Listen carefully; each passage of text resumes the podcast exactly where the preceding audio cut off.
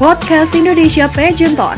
Bincang seru Clarita Mawarni Salem bersama Muhammad Fadli, Putra Pariwisata Nusantara 2019. Podcast ini dipersembahkan oleh Eljon Media dan disponsori oleh Tasha Eco Water Park Batu Raja. Mau liburan yang ekonomis dan seru? Ya ke Tasha Eco Water Park saja. Selamat mendengarkan. Halo Sobat Eljon dan PJ Lover semuanya, bertemu lagi bersama saya Mawar Salem, Putri Pariwisata Indonesia 2019 dalam acara Indonesia Pageant Talk. Nah, hari ini kita kedatangan tamu yang spesial banget, yang udah dinantikan banget, udah dirindukan nih oleh semua para pageant lovers karena udah hilang. nah, dia adalah Kak Fadli. Halo semuanya para pageant lovers, akhirnya kita bertemu di sini dan nanti kita akan bertemu juga dengan kegiatan-kegiatan yang lain tentunya membahas tentang pariwisata yang ada di Indonesia maupun mancanegara. Benar banget. Jadi Kak Fadli ini adalah pemenang Putra Pariwisata Nusantara 2019 dan juga kita seangkatan nih. Yeay. Nah, pasti para pigeon lovers dan sahabat Eljon semuanya pada bertanya-tanya dan penasaran nih, kenapa kita pakai baju kok kembar terus kuning-kuning? Ada apa nih ya Kak Fadli? Iya, jadi hari ini spesial di tanggal 18 September 2019, spesial hari ulang tahun Kabupaten Tojo Unauna, salah satu kabupaten yang ada di Provinsi Sulawesi Tengah. Yeay! Dan juga kita spesial juga untuk Kabupaten Tojo Una karena di tahun ini merupakan ulang tahun yang ke-16. Ke-16. Waduh, itu satu tahun lagi baru iya, legal ya, baru dapat KTP tuh.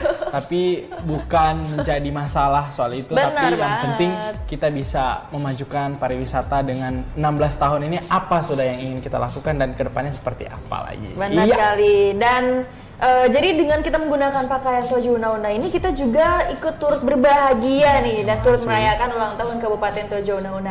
Uh, Kak Fadli, apa Iya. sih arti warna kuning baju ini? Nah, kalau misalnya warna kuning dalam kehidupan sehari-hari masyarakat Kabupaten Tojo Una itu berarti kejayaan. Nah, di mana kejayaan itu mengandung arti bahwa kita sebagai pariwisata generasi-generasi pariwisata bisa eh, mempromosikan, menjunjung tinggi pariwisata yang ada di daerah kita untuk bisa menaikkan lagi pariwisata di daerah kita tentunya dengan caranya kita masing-masing. Amin. Amin, amin, amin, amin. Jadi semoga warna ini tidak hanya menjadi sekedar warna saja Iya, bukan cuma sekedar bisa simbol. Membakar semangat para para masyarakat nih, khususnya masyarakat Indonesia, khususnya lagi masyarakat di Kabupaten Tojo Una. Nah, sahabat Elton dan Peja Lovers semuanya, kali ini kita akan membahas mengkorek, menggali dalam-dalam nih Iya, iya, iya, iya. tentang Kak Fadli dan tentang kemenangan dia sebagai Putra Pariwisata Nusantara. Langsung aja nih Kak Fadli, Iya. gimana sih perasaan kakak waktu pertama kali kakak itu diumumkan sebagai pemenang? Nah, tentunya saya berterima kasih untuk Yayasan Eljon dan juga pemerintah daerah Provinsi Sulawesi Tengah dan Kabupaten Tojo Una yang sudah memberikan kepercayaan saya mewakili generasi muda Indonesia, khususnya generasi milenial, untuk bisa menyuarakan hal-hal baik untuk bisa nantinya kita dari pemerintah maupun swasta maupun seluruh elemen masyarakat bisa memajukan sektor pariwisata tentunya dengan caranya kita sendiri. Dan alhamdulillah berkat ini yang saya saya sangat-sangat syukuri dan kemudian menjadi tanggung jawab selempang ini menjadi tanggung jawab mungkin eh, satu tahun menjabat tapi insya Allah nantinya seumur hidup tetap menginspirasi. Amin. Luar biasa sekali. Jadi setahun menjabat tetapi bertugasnya selama-lamanya. Iya, menginspirasinya selama-lamanya gitu. Dan em, apa sih yang menjadi motivasi kakak? Nih kenapa sih tertarik waktu itu sempat tertarik untuk ikut put- eh, Putra Pariwisata nih? Nah, kemarin itu kan saya juga aktif dalam gerakan eh, pemuda khususnya dalam bidang pariwisata. Nah, menurut saya kegiatan pemilihan putra-putri pariwisata ini menjadi sangat-sangat sinkron dengan apa daily activity yang sudah saya lakukan di daerah. Nah, maka dari itu saya sangat-sangat eh, excited begitu Mawar Waduh. karena mulai dari tingkat kabupaten, mulai dari tingkat provinsi sampai di tingkat nasional dan alhamdulillah ini merupakan pencapaian paling tertinggi saya dalam hidup dalam hidup dan betul-betul ini menjadi sangat-sangat eh, berkah dan untuk generasi-generasi muda khususnya di dalam di dalam lingkungan saya bisa termotivasi dan juga terinspirasi lah untuk hal ini. Amin. Luar biasa, tulus sekali ya. Dan Ternyata kakak emang dari dulu udah aktif. Iya, aktif dalam gerakan kepemudaan Benar gitu. banget. Em, jadi bukan hanya apa ya menjadi putra pariwisata bukan Iya. menjadi penghalang maksudnya bukan hanya kita saja yang bisa untuk mengembangkan pariwisata ta- tetapi juga seluruh masyarakat Iya, ya seluruh seluruh masyarakat, kaum ya. milenial itu bisa juga untuk eh, meng- mengembangkan pariwisata karena kita sendiri pun nggak bisa bekerja Iya, sendirian. betul. Tentunya semua elemen-elemen terkait karena di pariwisata itu ada sistem. Nah, pageant lovers. Jadi sistem itu bukan cuman misalnya kalau ada apa-apa misalnya masalah pariwisata kita menyalahkan pemerintah. Iya, begitu. bener banget. Atau misalnya kita menyalahkan swasta yang punya stakeholder, punya Yap. holder yang punya banyak kebijakan tentang hal itu. Tapi caranya adalah mulai dari hal-hal kecil untuk lingkungan yang kecil. Bener banget. Nah, seperti apa? Nah, ini sebagai contohnya misalnya mungkin sebagai putra pariwisata dan juga generasi muda, cara kecilnya adalah kita kalau misalnya berkunjung ke objek wisata kita tidak membuang sampah sembarangan. Terus misalnya turut serta dalam like, share di media sosial terkait dengan event-event, terkait dengan potensi-potensi wisata yang ada di daerah kita sendiri. Bener banget, karena percuma ya kalau pemerintah sudah membangun jalan, pemerintah sudah Betul. memperbaiki destinasi wisata, namun kitanya sendiri, masyarakatnya sendiri yang eh, kurang promosi ataupun kurang menjaga kebersihan lingkungan, menjaga Hmm. kenyamanan, maka sama aja. Jadi kita juga membutuhkan untuk seluruh masyarakat, seluruh kaum milenial nih untuk bersama-sama kita membangun pariwisata Indonesia. Asik. Nah, eh, berbicara tentang kakak ingin menjadi, eh, ingin memotivasi banyak Iya, orang iya, nih betul, betul, betul, betul, betul. pribadi yang seperti apa sih yang membuat kakak eh, maksudnya yang ada dalam diri kakak yang bisa membuat orang-orang itu termotivasi Ah ya, terima kasih. Saya akan menjawab dalam waktu 30 detik. Iya. Throwback ya ini Throwback, jadinya throwback, throwback, throwback, throwback. Itu pertanyaan-pertanyaan Q&A pada saat malam grand final ya. Nah, kalau untuk motivasi sih dari saya, eh, karena yang pertama, yang pertama adalah satu. Saya adalah anak pertama, saya harus sukses dan menjadi menjadi role model untuk adik-adik saya dan juga eh, mungkin junior-junior saya. Yang kedua adalah lingkungan saya itu di dalam masyarakat maupun lingkungan sekitar saya sangat kompetitif. Oleh karena itu, menurut saya dengan adanya ini kegiatan, menurut saya bisa memotivasi dan juga bisa termotivasi lebih karena itu tadi menurut saya. Karena hal tersebut yang memacu kita semakin ke sini zaman juga semakin ke sini di revolusi industri 4.0 sekarang bukan cuma pengetahuan yang menjadi ujung tombak dalam pembangunan tapi sekarang Bapak Jokowi itu sangat-sangat menekankan bahwa generasi muda harus punya soft skill ya.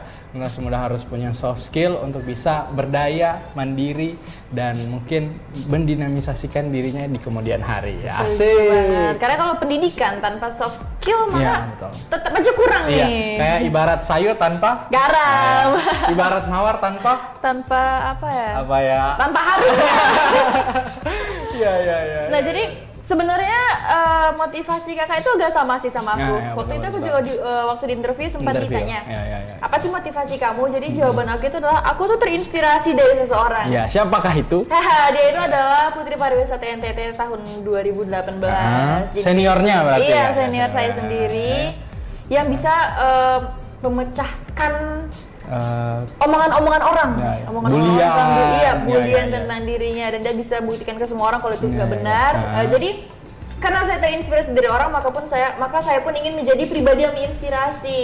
Jadi saya ingin menyebarkan aura positif ke semua orang dan dalam keadaan apa pun akan selalu tersenyum. Asik, tos dulu dong. Berarti kita sama. Eh. Eh.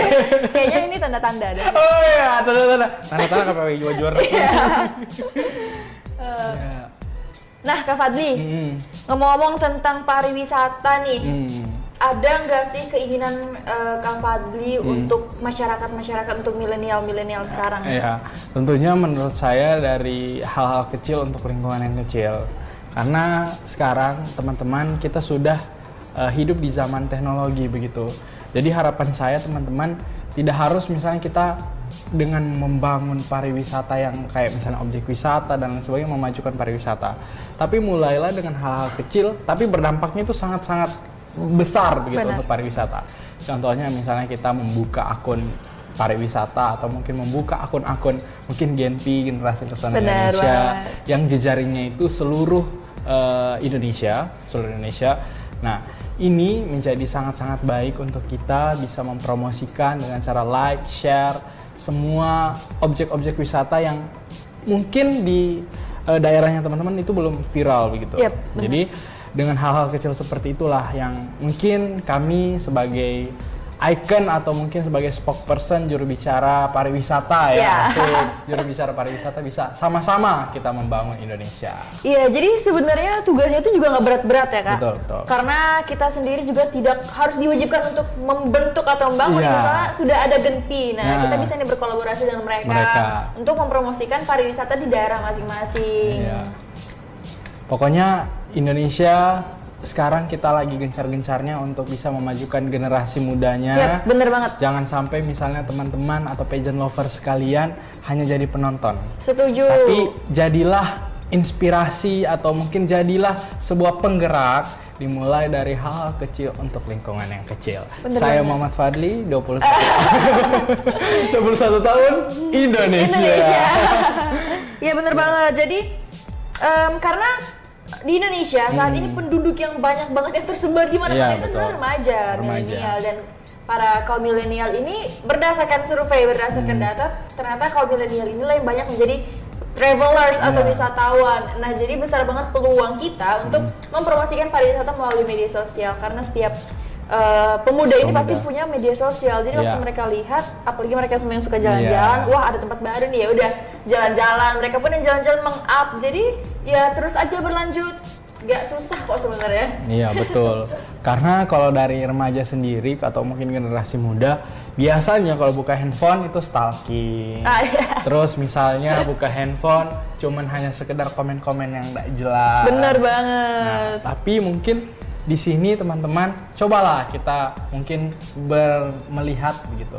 Indonesia ini sumber daya alamnya kaya Yep. bukan seperti misalnya di daerah lain.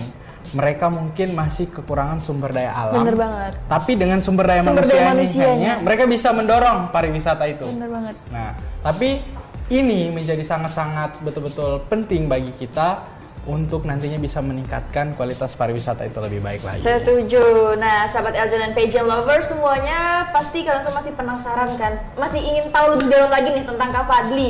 Jangan ke mana-mana, tetap di Indonesia Pageant Talk. Saya Mawar Salem. Dan juga saya Fadli. Terima kasih telah mendengarkan podcast Indonesia Pageant Talk persembahan dari Eljon Media dan disponsori oleh Tasha Eco Waterpark Batu Raja. Mau liburan yang ekonomis dan seru? Ya ke Tasha Eco Waterpark saja. Jangan lupa follow podcast Indonesia Pageant Talk di Spotify ya. Eh, eh, kamu tahu kan City Waterpark Batu Raja? Tahu dong, emang kenapa? City Waterpark Batu Raja sekarang udah ganti nama jadi Tasya Eco Waterpark Batu Raja. Makin keren-keren loh spot foto dan area kolam renangnya. Wah, keren banget.